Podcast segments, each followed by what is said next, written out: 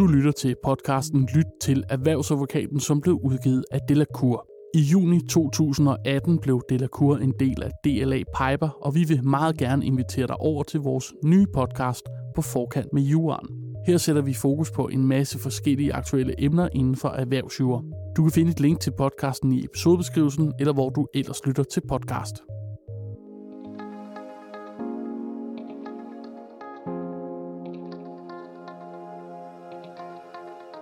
Når du som virksomhed indsamler, registrerer, videregiver eller sletter personoplysninger, skal du være opmærksom på, at de personer, du behandler oplysningerne om, har en række rettigheder, som du som dataansvarlig skal sørge for at overholde.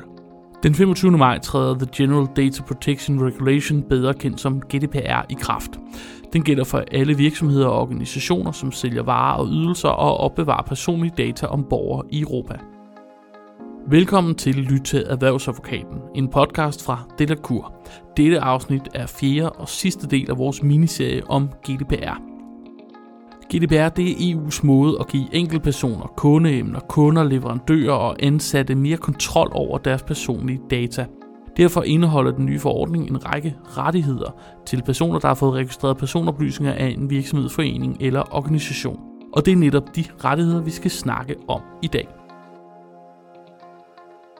Som i de seneste tre afsnit af vores GDPR miniserie skal jeg igen byde velkommen til Jon Lauritsen, partner og advokat i Delacour. Velkommen til, Jon. Tak skal du have. Hvad er baggrunden for de her rettigheder? Baggrunden for, at vi har de registrerede rettigheder, det er jo fordi, at det er de fysiske personer, hvis oplysninger man behandler, altså personoplysningerne, det er jo vores, mine, deres, øh, afhængig af hvilke øjne der ser, det er jo deres oplysninger. Og det er også en god måde sådan at tænke på de her registreres rettigheder og persondata i det hele taget at sige, jamen det er lidt ligesom hvis man låner græslåmaskinen af naboen. Øhm, så længe man har lov til at låne den, så skal man passe godt på den, og når man ikke længere har lov til at låne den, så skal man øh, levere den tilbage i god og ordentlig stand. Og øh, for at øh, naboen her i det her lidt dumme eksempel, øh, han overhovedet ved, at vi har græsslåmaskinen, så skal vi jo oplyse ham om, at vi har været hen og snuppe den, og øh, måske også, hvad vi tænker os at gøre med den. Vi siger, at vi vil ikke kun bruge den til vores egen have, nu vil vi også bruge den i naboens have, og måske bruge den erhvervsmæssigt alt muligt andet. Så øh, for at man som øh, person, der bliver behandlet, øh, hvor der er andre, der behandler dine personoplysninger, for at man kan, har et boldværk imod de dataansvarliges misbrug, så har man nogle rettigheder. Og det, det er det, de registreres rettigheder går ud på. Øhm, og det hænger sammen med øh, noget af det, vi talte om i en af de andre udsendelser, de øh, generelle regler, hvor øh, gennemsigtighed var jo et af principperne, vi talte om. Og gennemsigtighed, det er jo blandt andet, at man giver oplysninger til de registrerede, så at de ved, at vi behandler oplysninger om dem, og så kan de jo, hvis de er utilfredse med det, eller usikre på det, så kan de jo bruge nogle af de her øh, rettigheder, de har. Ja, og der er jo en del, altså i øh, denne forordning, så er der formuleret en masse forskellige rettigheder, man som øh, registreret har. Og vi når ikke at gennemgå dem alle sammen i det her podcast, fordi det vil simpelthen tage for lang tid, så i stedet for så fokuserer vi på, hvad der er nyt og hvad der er vigtigt. Så hvis vi starter med det nye, hvad er der af sådan nye ting i forhold til rettighederne for de registrerede?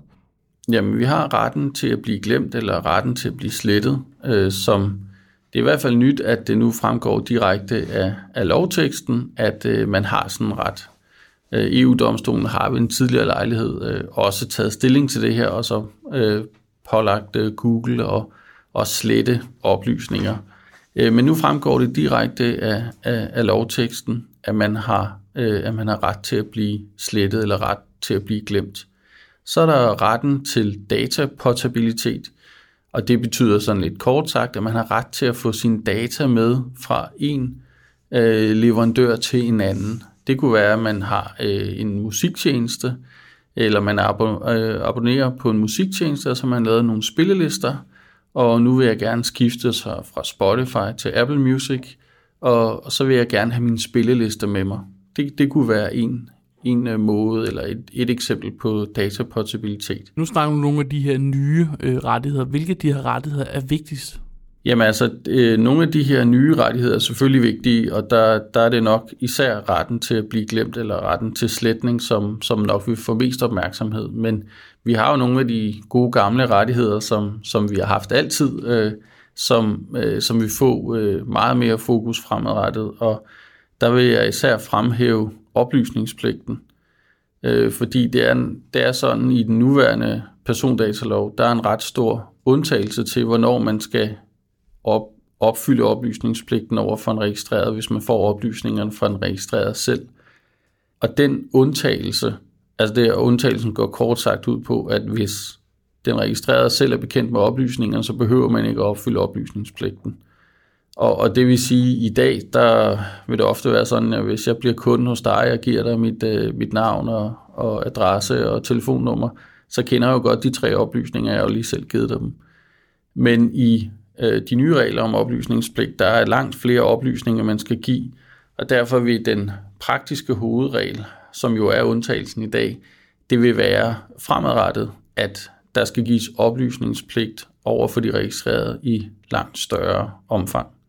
Og det, der er vigtigt at være opmærksom på med oplysningspligten, det er, at det er jo en rettighed, som man skal opfylde uden anmodning. De øvrige rettigheder, vi har, retten til at få indsigt, retten til at blive glemt, øh, retten til datapossibilitet osv., det kræver en anmodning fra den registrerede. Det vil sige, at den registrerede skal gøre noget aktivt selv for at få den her ret. Men oplysningspligten skal vi som øh, dataansvarlig opfylde af os selv. Så oplysningspligten er den, som man skal, øh, som de fleste skal være mest opmærksom på, eller i hvert fald den, der vil af, afføde mest øh, eller flest ændringer fra, fra de dataansvarlige.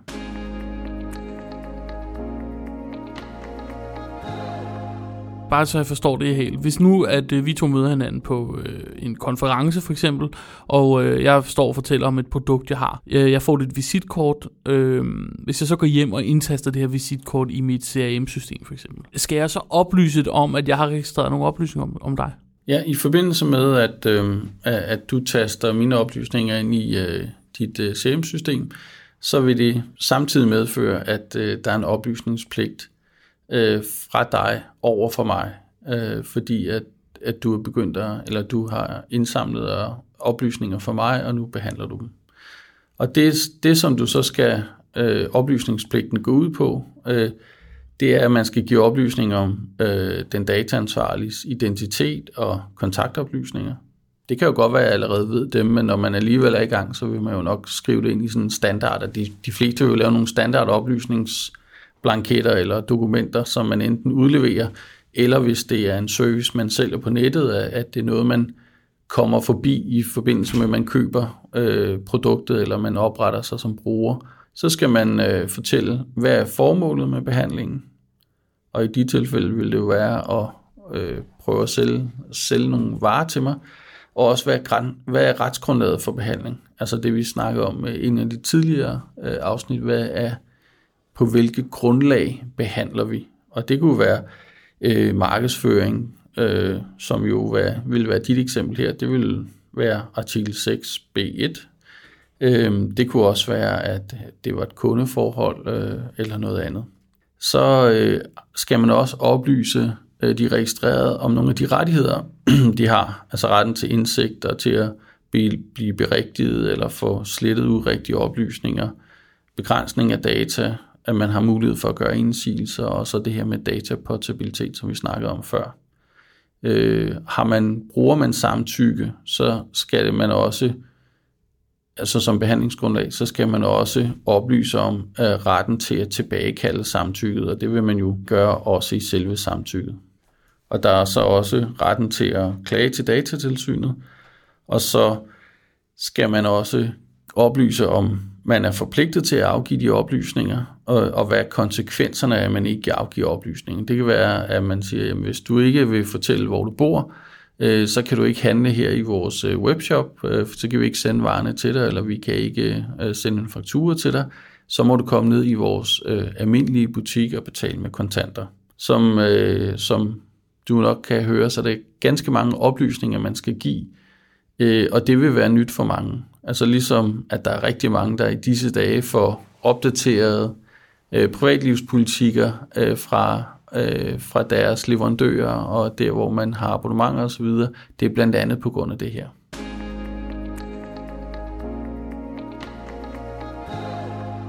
Hvordan skal man som virksomhed sikre sig, at man ikke bryder de her rettigheder? Jamen altså, man skal jo øh, sørge for at starte med at have en analyse af at sige, hvor, hvornår øh, har vi pligt til øh, at, at give vores øh, kunder eller de registrerede oplysninger. Så hvornår finder artikel 13 og 14, hvis man får oplysninger fra nogle andre end registreret selv. Hvornår finder det anvendelse?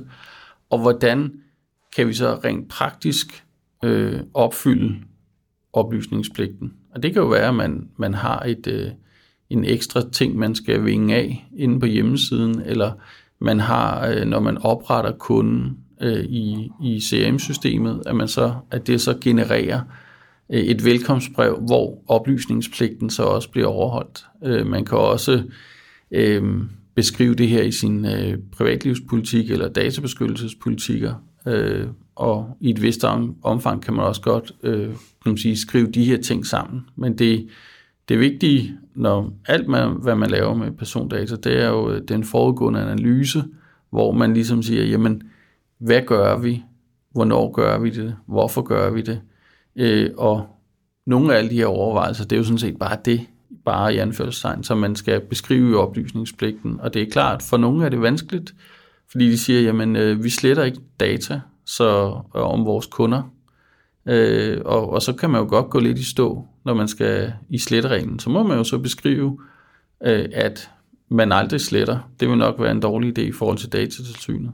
Har man mulighed for at blive slettet, hvis man for eksempel ønsker at stå hos kartoteket af en eller anden grund hos en virksomhed, og så ringe til dem og sige, jeg vil gerne have, at I sletter alle mine oplysninger nu?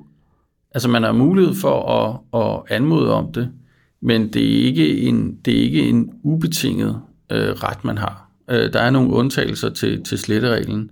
Det kan være, at man øh, har oplysningerne for at overholde en, en retlig forpligtelse. Det vil sige, at medarbejderne siger, at jeg vil gerne have, at du sletter alle mine lønoplysninger og ikke indberetter dem til skat. Det vil man ikke kunne gøre, for der man har pligt til at, at indberette til skat.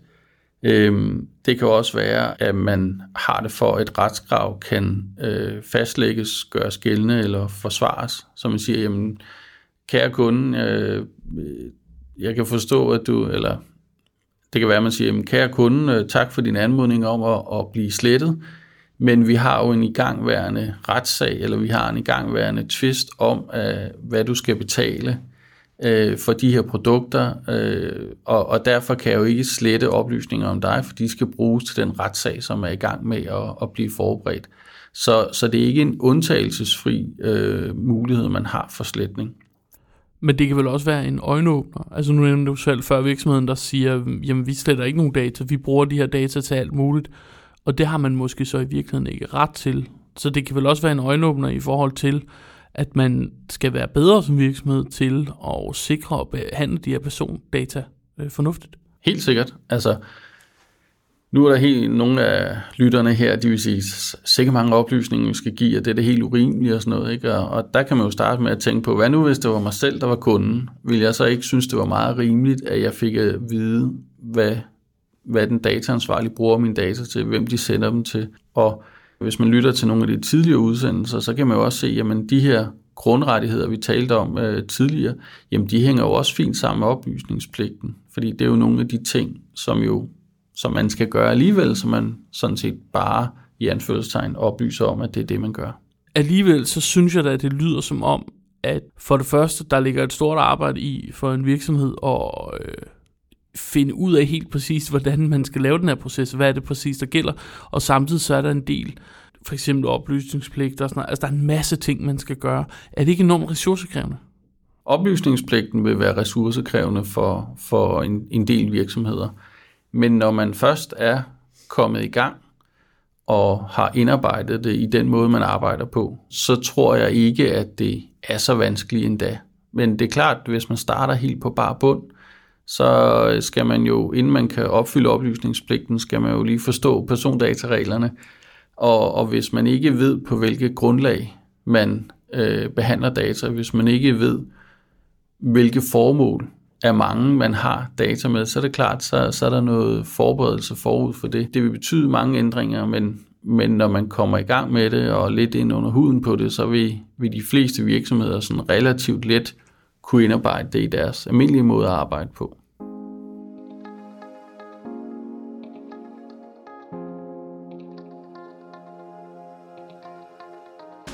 Du har lyttet til Lyt til Erhvervsadvokaten, som er en podcast fra Delacour. Denne episode var sidste del af vores miniserie på fire afsnit om GDPR. Hvis du ikke har hørt seriens tidligere afsnit, så kan du blandt andet blive klogere på databehandleraftaler og om grundreglerne for god dataskik. Du kan høre alle afsnit i din foretrukne podcast-app eller finde det på delacour.dk. Tak til vores faste GDPR-ekspert, Jon Lauritsen, der er advokat og partner her i Delacour. Mit navn er Magnus Krabbe. Tak fordi du lyttede med.